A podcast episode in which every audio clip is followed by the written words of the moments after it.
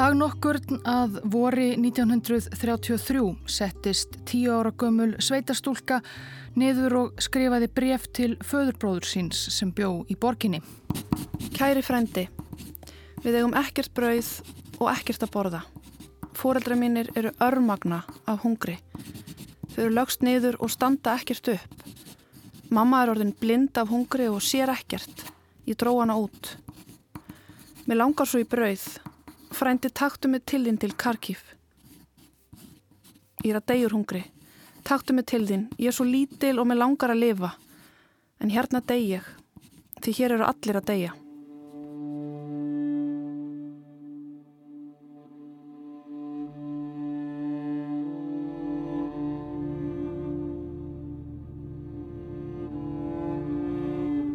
Maður þarf ekki að vera sérfræðingur í táknfræði til að gera sér í hugarlund hvað þjóðfáni Úkrænu er oftar en ekki sagður eiga að tákna. Tvær rendur, bláað ofan og heiðgul að neðan, blár heiminn yfir gulum kornagri. Það er við hæfi að akur sé tákn Úkrænu því jarðvegulandsins er einstaklega frjósamur, hefur raunar verið sagður einhvers á frjósamasti hér á jörðu. Svört mold sem þekur stóran hluta ukrainsks landsvæðis er einstaklega rík af ýmsum næringarefnum sem gerir hana að fullkomnum jarðvegi fyrir ræktun á kortni og öðrum netjajurtum. Kortn forðabúr Evrópu hefur Ukraina verið kolluð. Raunar er jarðvegurinn svo rómaður að bílfarmar af svartri ukrainskri mold hafa lengi gengið kaupum og sölum á svörtum mörguðum í austanverðri Evrópu. En þrátt fyrir það átti sér stað á fjórða áratug síðustu aldar einmitt í þessu gróðursæla gósenlandi einhver hryllilegasta hungursneið sem sögur fara af. Kortnið kvarf og brauðið og á örfáum árum vesluðust miljónir almennra borgara upp og dói úr hungri. Hvernig mátti það eiginlega vera?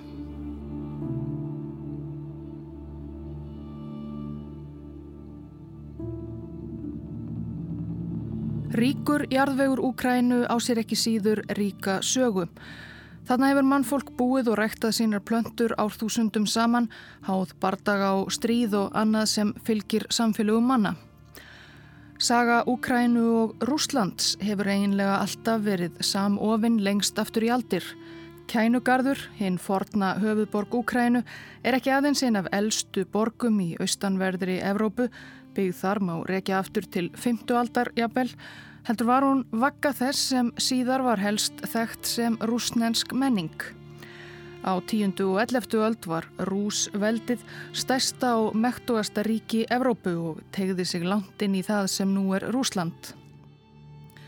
Svo síðar tilherði landsvæðið sem nú er Úkræna eða hlutar hennar ímsum konungsríkjum og veldum Litáen, Pólandi, Tyrkjaveldi, Rúslandi.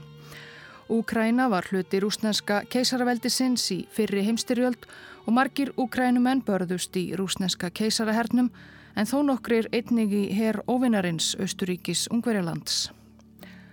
Úkrænsk þjóðarvitund og þjóðarni stefna hafði færst mjög í aukana síðan á 19. öld Og þó úkrænumenn og rússar séu skildar slavneskar þjóðir með líkar tungur og margt áþekkt í menningu sinni, kerðu sífælt fleiri stoltir úkrænumenn sig ekkert um að lúta endilega yfiráðum rússa. Kvorki rúsneska keisaradæmiðn í Austuríki Ungverjaland lifiðu heimstyrjaldina af. 1917 gerðu marxistar byltingu norður í Pétursborg og borgarastyrjöld brast á í Rúslandi í kjölfarið. Úkrænumenn notuðu þá tækifærið og gerðu tilraun til að standa á eigin fótum. 23. júni 1917 var sjálfstæði úkrænska alþýðulíðveldisins líst yfir en ekki voru allir úkrænumenn á eitt sáttir um framtíðar stjórnskipan landsins og til að gera langa sögustutta litu einnig aðrir vísar að úkrænskum ríkjum dagsins ljósi umróti borgarastyrjaldarinnar næstu árin með fram því að rauði hér Bolsevika sótti á og vildi halda úkrænskum lendum undir sinni stjórn. En ekkert þessara sjálfstæðu úkrænsku ríkja komst alminnilega á fót þrátt fyrir stærð landsins og mannfjölda var ekkert þeirra langlýft. 1921 hafði Rauðahernum, Sovjetiríkunum, tekist að brjóta stærstan hluta Úkrænu undir sig. Landið frjósama var aftur komið í faðum rúsa. Áfram voru þó margir Úkrænumenn ósáttir. Fyrsti leðtogi Sovjetiríkjana Vladimir Lenin lést 1924 og við stjórnartömunum tók Jósef Stalin. Stalin kynnti fyrstu fimm ára áætlun Sovjetiríkjana til sögunar árið 1928, áætlun sem markaði upp af grundvallar breytingar á þeirri efnahagstefnu sem rekin hafi verið á fyrstu árum ríkisins undir Lenin en svo stefna þóttu nú draga of mikið taum hins frjálsa markaðar kapitalismans. Nýja fimm ára áallunin átti meðal annars að fela í sér hraða uppbyggingu þungæðinaðar, Sovjetríkin sem enn voru að mestuleiti landbúnaðaland áttu að verða yðnveldi á met tíma og svo algjöra þjóðnýtingu sovjesks landbúnaðar. Stór samirkjubú áttu að koma í stað smerri bóndabíla í enga eigu, bændur að vinna beint fyrir sovjeska ríkið en ekki í eigin þáu. Samirkjubúin áttu, sögðu kenningarnar, að auka mjög afköst, losa verkafólk til starfa í nýjum versmiðjum sem áttu að rýsa og gera út af við stjett auðugra kotbænda, svo nefndra kúlaka sem sovisk stjórnvöld hötuðust mjög úti. Lenín og fleiri höfðu raunar ekki beint farið lengt með fyrirlitningu sína á bændastjett sem þeir álitu vannþróaða og villimannslega, eigin hagsmuna og afturhaldsekki sem yrðu ófærir um að taka fagnaðar erindi kommunismans en kúlakarnir voru verstir af öllum.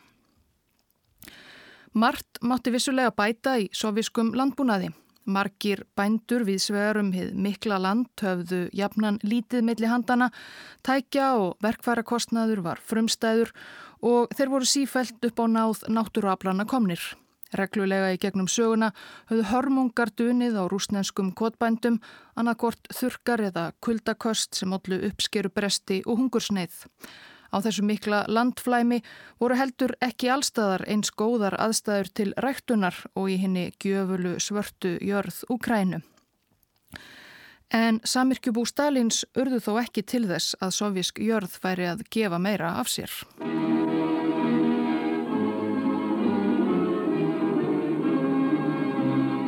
Rótækar breytingar af orðið á landbúnaði okkar úr litlum vannþróðum búskap í stór háþróð samirkjubú, ræktun landsins í saminningu. Sovjískur almúi tók frumkvæði Stalins um samirkjuvæðingu fagnandi eða svo sagði leittóin sjálfur í greini Pravda 7. november 1929 þegar fimm ára áætlunin var farin af stað. Það nýjasta og mikilvægasta við samirkjurheiminguna er að bændurnir ganga til liðs við samirkjubúin ekki hver og einn fyrir sig eins og var, heldur sameinlega heilu þorpin, heilu svæðin, heilu repparnir og jáfnvel heilu síslurnar. Þetta var þó aðeins ofmælt hjá félaga Stalin. Það var í raun sjálfnast svo að bændur afhendur ríkinu óðir og uppvægir eigur sínar, verkfæri og skeppnur sem þeir höfðu unnið fyrir hörðum höndum og landið sem þeir höfðu ræktað árum saman.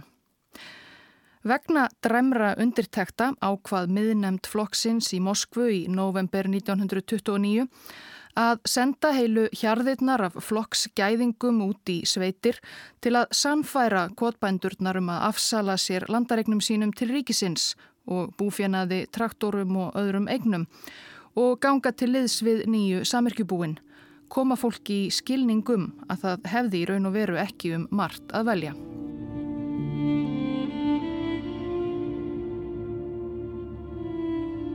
Okkur fannst aðkomumennir kostulegir í útliti. Föl andlitin og fötin þeirra pössuðu alls ekki inn í þorpin okkar. Þetta voru framandi verur, teiplandi um til að það fær ekki snjór á burstaða skóna þeirra. Símón Staró, eða Míron Dólott eins og hann kallaði sig þegar hann skrifaði endurminningar sínar löngu síðar, var 13 ára þegar ungir flokksgæðingar að norðan byrtust í þorpinu hans típísku ukrænsku sveitaþorpi eins og hann sjálfur lísti á norðurbakka áreinar Tíasmín í Ukrænu miðri í november 1929.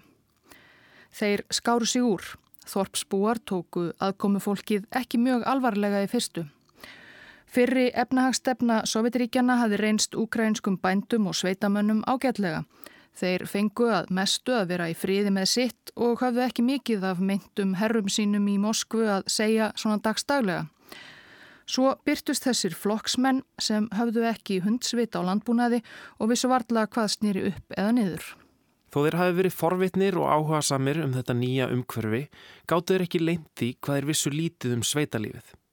Við þorpsbúarnir hlóum að borgarlegum hátum þeirra og einan örfára daga voru þeir orðnir skotspót margra gamansagna. Sagt var í þorpinu að þegar merin okkur sparkaði í leðtoga flokkskæðingana, félaga Seitlin, í hestúsinu, hafi hann bölvað og hrópað helvíti speljan. Ekki löngu síðar rugglaðist hann á kálfi og fólaldi. Þegar honum var bent á þessi mistök saði hann Kálfur eða fólald, það skiptir engu. Hvort sem það er, hefur það engin áhrif á alheimsbyltingu öregana. Þetta þótti þorpsbúum sem sé kostulegt allt saman en meint bylting öregana varð ekki stöðuð.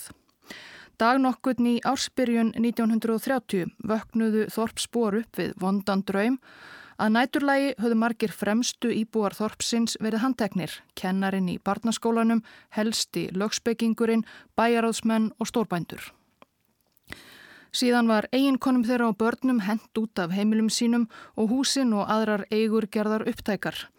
Engin vissi hvert farið var með fangana en aðrir þorpsbúar og smábændur stóðu eftir varnarlausir gegn floknum og þeim var tjáðað nú skildi stopnað samirkjubú og þau hefðu ekkert um það að segja.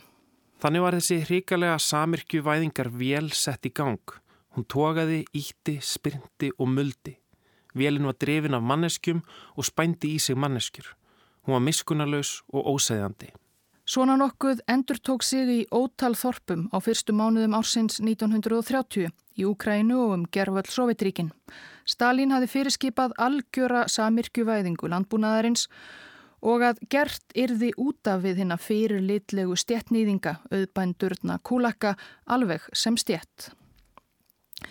Í hverju einingu Sovjetiríkjana fengu ráðamenn útlutað kvóta yfir hversu marga kúlakka ætti að fangelsa, hversu marga ætti að senda í útlegð og svo framvegis og urðu að gera svo vel að fylla þá kvóta. Kvótar þessir voru hæstir í Úkrænu, þar átti að uppræta lang flesta kúlakka samkvæmt fyrirmælum frá Moskvu, 2000 á 2000 ofan. En hver var eiginlega skilgreiningin á kúlakka? Þegar áleið og fylla þurfti kvóta var það einlega hver sá er streyttist eitthvað á móti á formum um samirkjuvæðingu og eignaupptöku. Jafnvel fátækir kvotbændur sem áttu lítið annað en landskika sinn og örfáa gripi voru nú álitnir verstu kapitalistar og stjetniðingar í augum sovjaskra stjórnvalda. Nú svo takke kurkull. Takke kurkull sem er maður korovu. Vi korovi bolo, bara koni dobri, dobri. Guðmul Kona myndist þessa tíma í viðtali í ukrainsku heimildamindinni levandi mörgum áratugum síðar. Hvað gerði mannað kúlaka? Við áttum tvær kýr og tvo ágeta hesta og einhver landbúnaðatæki, plóg.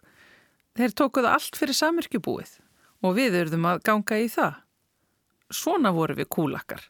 Halúpa taka búla á bætka, nú kannjættu tróski mjög, bísa ég mjög. Pappi átti kofa, ekki mikið starri en þetta litla hús mitt, eða jafn lítið kannski. Þú ert kúlaki, sögður við hann, því hann átti hest. En einhvern veginn var það njú að plæja landið. Við vorum ekki komin með neina traktora þarna. Mörgum fannst erfitt og ósangjant að þurfa að segja skilið við skeppnur sínar og völdu frekar að sleppa þeim lausum eða hreinlega slátra þeim en að afhenda þær samirkjubúinum. Ótal kýr, hestar, svín og kjúklingar mættu þannig dauða sínum.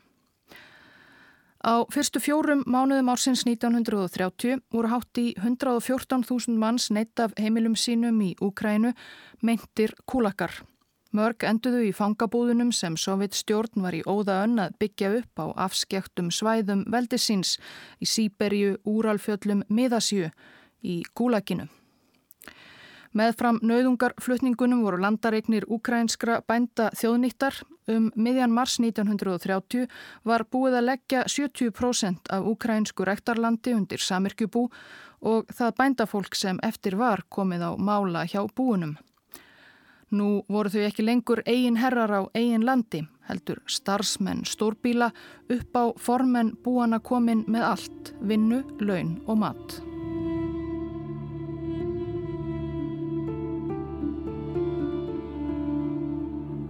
Uppskera ársins 1930 í Úkrænu þegar samirkjuvæðingin og af kúlökkunin, einhvern veginn svo smeklega var það orðað, var komin á fullt.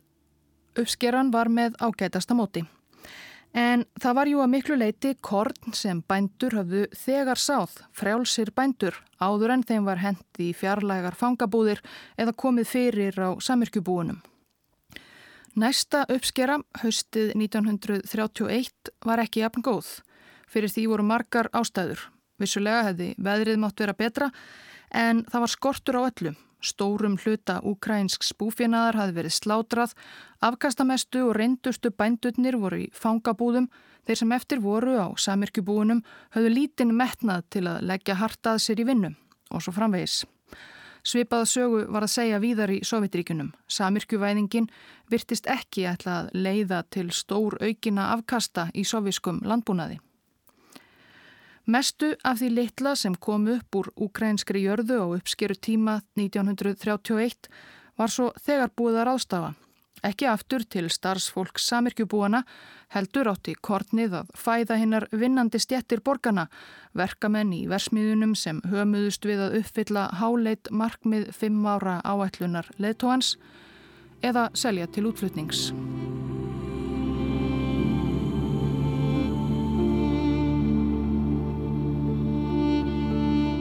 Sagtfræðingar hafa áratugum saman deilt um ímisatriði í þessari sögu. Þar er mikilvægust spurningin að hversu miklu leiti hinn hryllilega hungursneið í Ukrænu var af mannavöldum, afleiðing stjórnvaldsákvarðana í Moskvu frekar en náttúruabla og svo hvort þær ákvarðanir hafi verið teknar vísvitandi til þess að valda þjáningu og dauða suður í Ukrænu. Yfirvöldi í Sovjetríkunum reyndu lengi að breyða yfir mannfallið í Ukrænu og þvertaka svo fyrir það að það hefði á einhvern hátt verið þeim að kenna. Margar staðreindir málsins urðu ekki fyllilega ljósar fyrir en eftir fall Sovjetríkjana. Engverjir sakfræðingar eru enn á þeirri skoðun að hungursneiðin hafi verið hörmuleg afleiðing margra þátt að náttúrulegs uppskerubrests og mannlegra mistaka í landbúnaðarstjórnun En ríkjandi skoðun er að hungursneiðin í Úkrænu hafi að stórum hluta verið skipulögð í Moskvu til að berja á Úkrænumönnum, berja alveg niður það sjálfstæði og anduð við rúsnesk yfirráð sem Úkrænumenn höfðu margóft sínt í áranar ás. Í Úkrænu er hungursneiðin skilgreind sem þjóðarmorð Stalins og sovjaskra stjórnvalda á úkrænsku þjóðinni. Holodomor heitir það á úkrænsku hungurdauðin. Það er alltjent erfitt að þræta fyrir það allavega að yfirvöld í Moskvu hafi ekki vitað hvað var að gerast suður í Ukrænu. Snemma árs 1932 var ráðamönnum í Sovjet-Ukrænu orðið ljóst í hvað stemdi og byðluðu til Moskvu um aðstóð. Báðu fyrst um meira fræ að sá í jörðu og síðan hreinlega um mannúðaraðstóð. Þegnar þeirra varu farnir að svelta. Dæmi um skeiti sem barst frá ungum flokksliða til Moskvu um þetta leiti.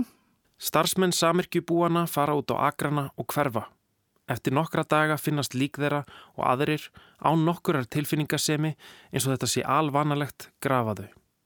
Dægin eftir finnur fólk svo lík einhverja sem voru úti að grafa grafir. Og slíkar fregnir bárust alla leið upp valdapíramítan. Í júni 1932 allavega var Stalin sjálfur farin að tala um hungursneið í Úkrænu við undirsáta sína í einrúmi. En honum var kannski alls ekkert illa við að svo færi.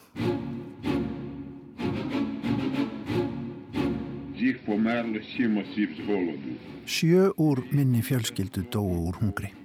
Við átum hestsræ, hunda og ketti. Við tókum júrtir og lækjum rætur trjáa, Þið vitið, það var ekki mikið. Saga úkrænsku hungursneðarinnar er kannski ekki á allra orði nú til dags en úkrænumenn sér í lagi hafa staðið sig engar vel í að varðveita og halda á lofti þessum vafa lítið hryllilegasta hluta sögusinnar. Meðal annars með því að skrásetja, taka upp og varðveita sögur þeirra sem lifðu þessi ár og lifðu af. Mörg þeirra sem lifðu hungursneðina af eða urðu jáfnvel vittni bara að litlum hluta þessara hörmunga treystu sér ekki til að tala mikið um þessi ár fyrir löngu síðar. En þá, eins og ukrainskir sakfræðingar komist að, voru minningarnar yðurlega ljóslifandi áratugum síðar, svo mjög að fólki reyndist oft erfitt að komast í gegnum frásagnir sínar og grátandi, svo sárar voru minningarnar. Hér mætti vitna í ótal margar frásagnir eftirlifenda sem finna má á prenti og í heimildamindum. Árið 1984 setti Bandaríkja Þing á fót nefnd til að rannsaka ukrænsku hungursneiðina 1932 og 33 og hlut sovjaskra stjórnvalda í henni. Hlutverk nefndarinnar var á nefa að hluta að reyna að koma höggi á Sovjetríkin sem þarna þver neituðu en að byrja nokkra ábyrð á þessum atbyrðum. Fyrir nefndina komu margir ukrænumenn og lístu hungur árunum.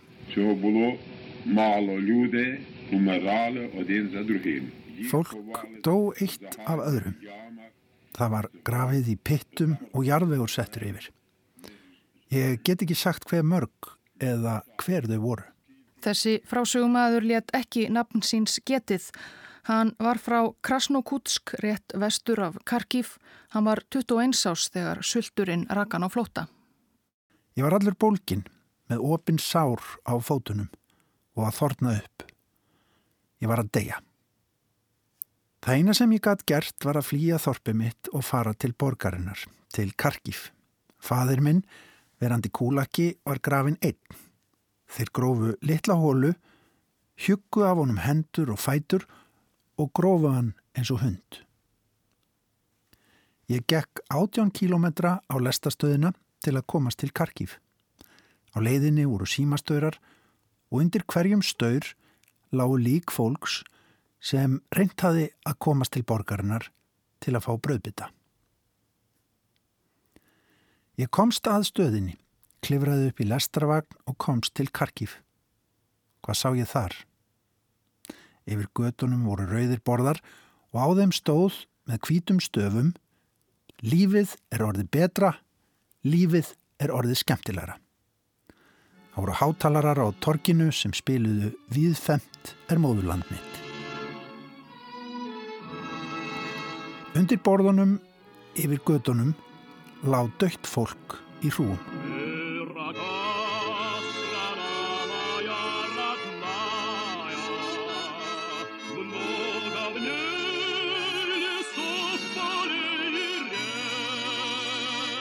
Þegar leið á árið 1932 settu stjórnvöld í Moskvu hver lögin og hverja regluna á fætur annari sem greinilega var sérstaklega beint gegn bændum og íbúum Úkrænu. Nýjar og nýjar og strángari og strángari refsingar voru fyrirskipaðar fyrir að uppfylla ekki hímin háan kornkvótan sem settur var í Moskvu. Sem dæmi þau ukrænsku bíli sem ekki gáttu uppfyllt kornkvóta sinn urðu frá með november 1932 að borga sérstakann refsi skatt með öðrum matvælum, svo sem kjöti. Þeim bændum sem tekist hafði að halda í stöku svín eða kú urðu nú að slátra þeim til að færa ríkisvaldinu. Einn kýrgat með mjölk sinni orðið heitli fjölskyldu lífsbjörg en nú var það fyrir bí. Sveltandi almúin var líka stöðugt sagaður um að stela og fela korn og önnur matvæli sem ætluð voru til útflutnings. Slíkt var kól ólöglegt og útsendarar yfirvalda gengu hús úr húsi, leituðu að korni og gengu gjarnan í skrokka og íbúum í leðinni, hvort sem nokkuð ólöglegt fannst eða ekki. Stalin og kónar hans vissu nú fullvel að ástandið í Ukrænu var orðið hryllilegt en kusu að spinna málið sem einhvers konar samsæri úkrænskra þjóðerni sinna og andstæðinga sósialismans gegn þeim framfara sinnunum í Moskvu. Úkrænskir skemdarvarkar væru að búa til hungursneiðina til að koma höggi á Stalin og félaga. 21. desember 1932 höfðu þegar einhver hundruð þúsunda úkrænumanna dáið úr hungri og ráðamönnum í Moskvu var fullu ljóst að fjöldi fólks að þið dáið og enn fleiri voru við dauðan styr. Engu að síður ákváðu leðtogar sovjeska kommunistaflokksins á fundi þann dag að halda fast við kornkvótan sem Sovjet-Úkrænu hafi verið settur. Lazar Kakanovits sem þá var einn nánasti undirmaður Stalins var einmitt þarna á ferð um Úkrænu og undirstrykkaði við úkrænska kommunista hvar sem hann kom að þeir yrðu að halda sig við kvótan og planið 100%.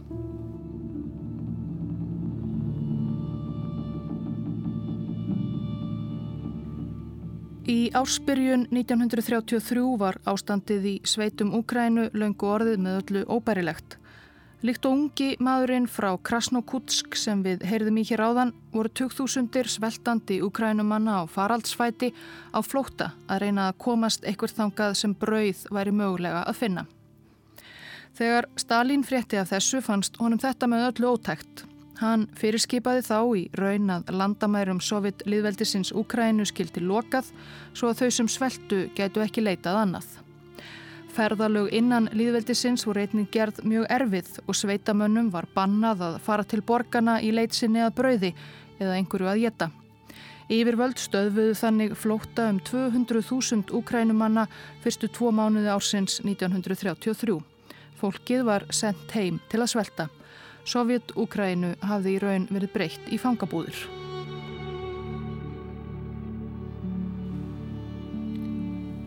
Rúsland er í vondumálum, rótið. Það er engin matur, kúun, ránglæti og volæði meðal verkafólks. 90% ósátt. Ég sá margt ljót. Ungur bladamæður frá Wales, Gareth Jones, skrifar til foreldra sinna eftir heimsókn til Sovjetiríkjana síðsumars 1930. Jones þessi var fættur 1905 í Glamorgan í Söður Wales.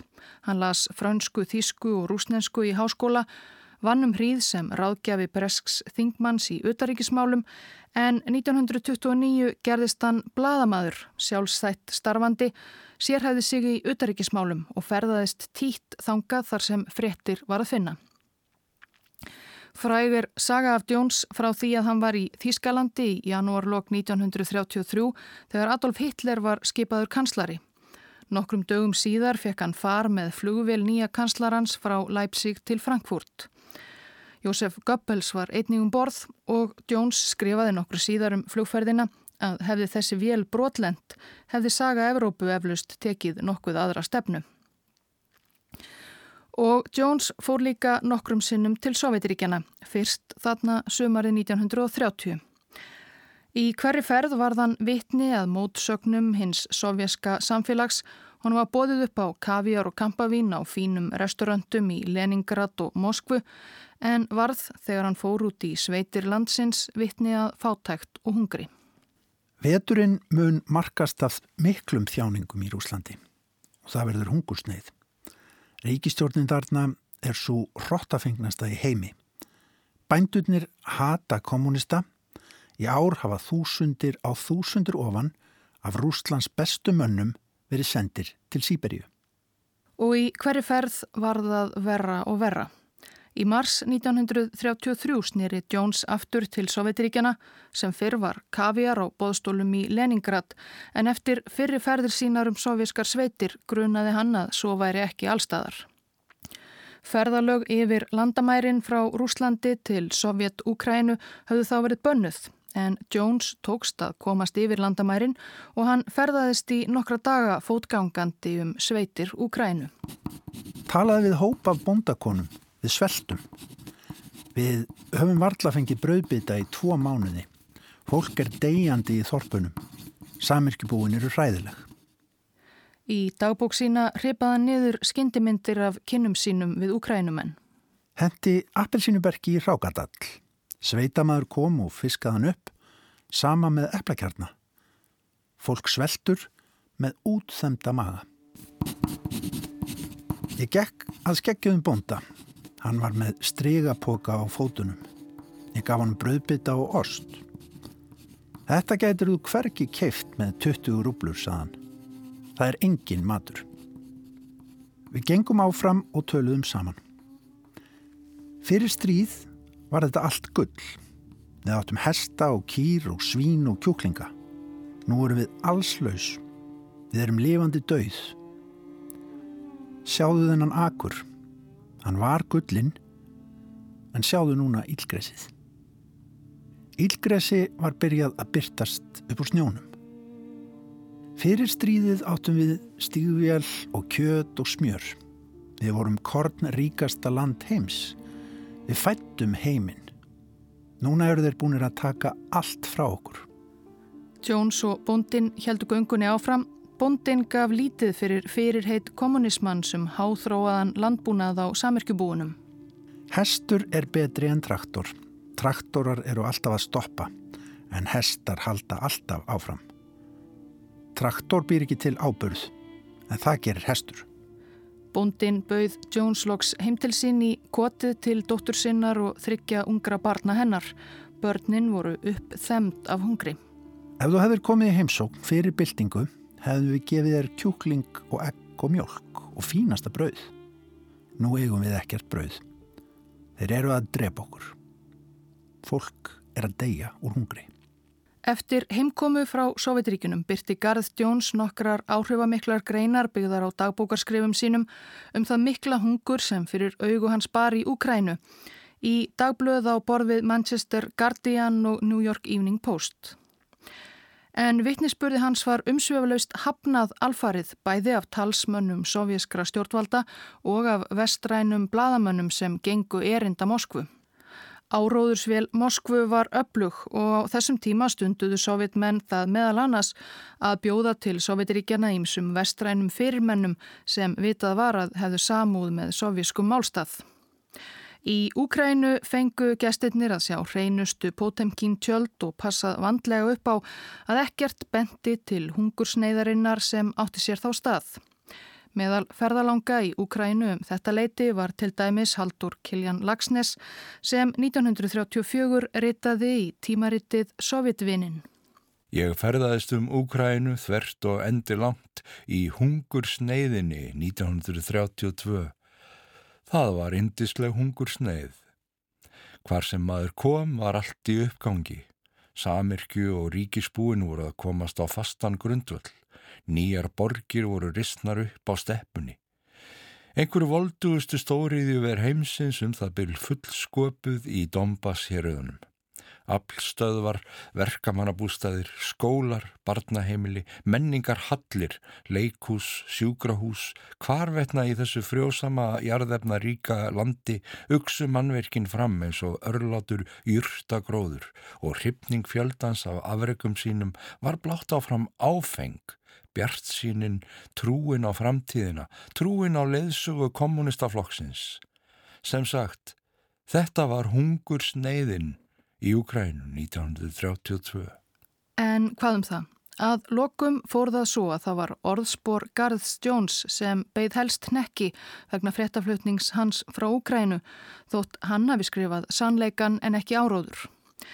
Jones var bannað að stíga aftur fæti á sovjíska grundu svo að næst hjælt hann í fréttaferð til Östur Asju. Hann var í Mansjúriu 12. ágúst 1935 þegar hann var skotin til bana þremur skotum grunar marga að sovjerska leinithjónustan hafi fyrirskipað morðið til að hefna fyrir fréttaflutning hans frá Úkrænu. Garð Jones átti einn dag í þrítugsamæli sitt þegar hann var myrtur. Undir lok mars 1933 skall sulturinn á okkur af fullu afli. Lífið í þorpinu mínu var sokkið til bots niður í dýrslega lífsbaráttu hinn að hæfustu. Þeir þorpsbúar sem enn livðu lokuðu sig af á heimilum sínum.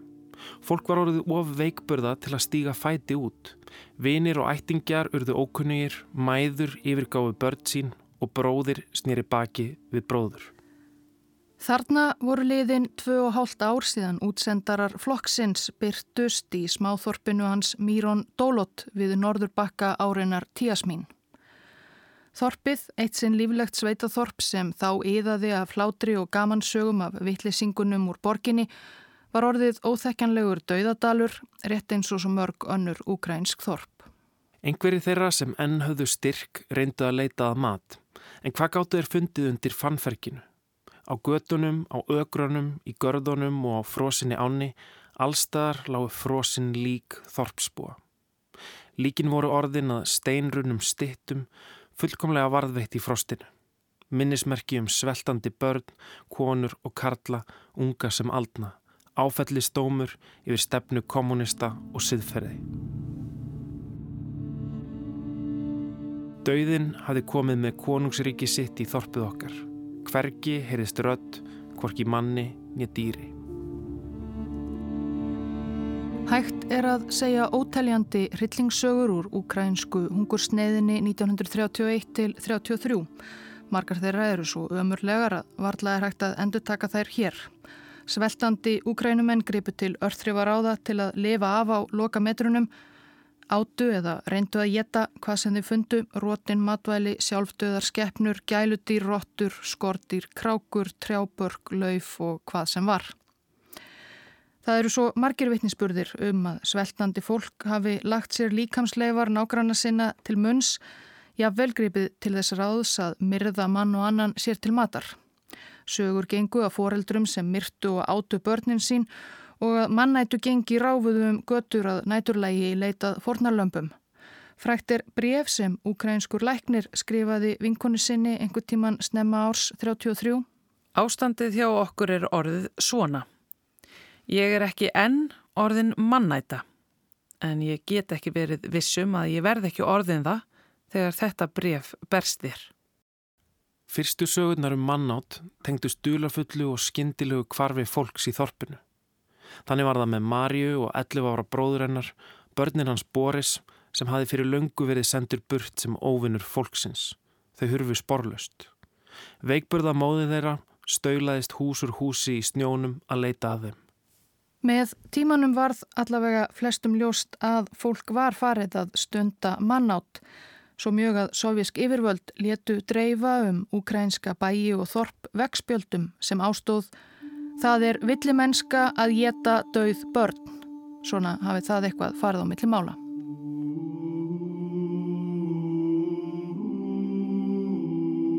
Það er á reiki hver margir letu lífið í hungursneiðinni í Úkrænu á árunum 1932-33. Eitthvað um tvær, þrjár, fjórar miljónir manna er ein helsta tilgáta ukrænskra sakfræðinga. Í Sovjet-Úkrænu fyrir þessa atbyrði bjóum 31 miljón manna. Fjölmargir létust líka í hungursneið eftir samirkjuvæðingu annar staðar í Sovjetríkunum, í Rúslandi, Kazakstan og víðar en mannfallið var mest í Úkrænu. Liðsmenn Rauðahersins og diggir ungir kommunistar voru sendir til að sinna uppskerunu í Úkrænu höstið 1933 þar sem vinnuablið var þó meira eða minna dögt eða degjandi. Fólk lifði ekki til að uppskera það sem það sáði hungur voruð mikla 33. Í kjölfarið voru svo russar kvattir til að setja stað suður í Úkrænu. Þar var nóg af tómum húsum þó landnemar þyrtu gjarnan að reynsa rótnandi líkin út úr þeim fyrst. Mírón Dólott, í búi í litla þorpinu við norður bakka Tíasminn, komst lífsaf og endaði á því að flytja til bandaríkjana. Tíu ára sveitastúlkan sem skrifaði bref til frændasins í Karkif gerði það ekki.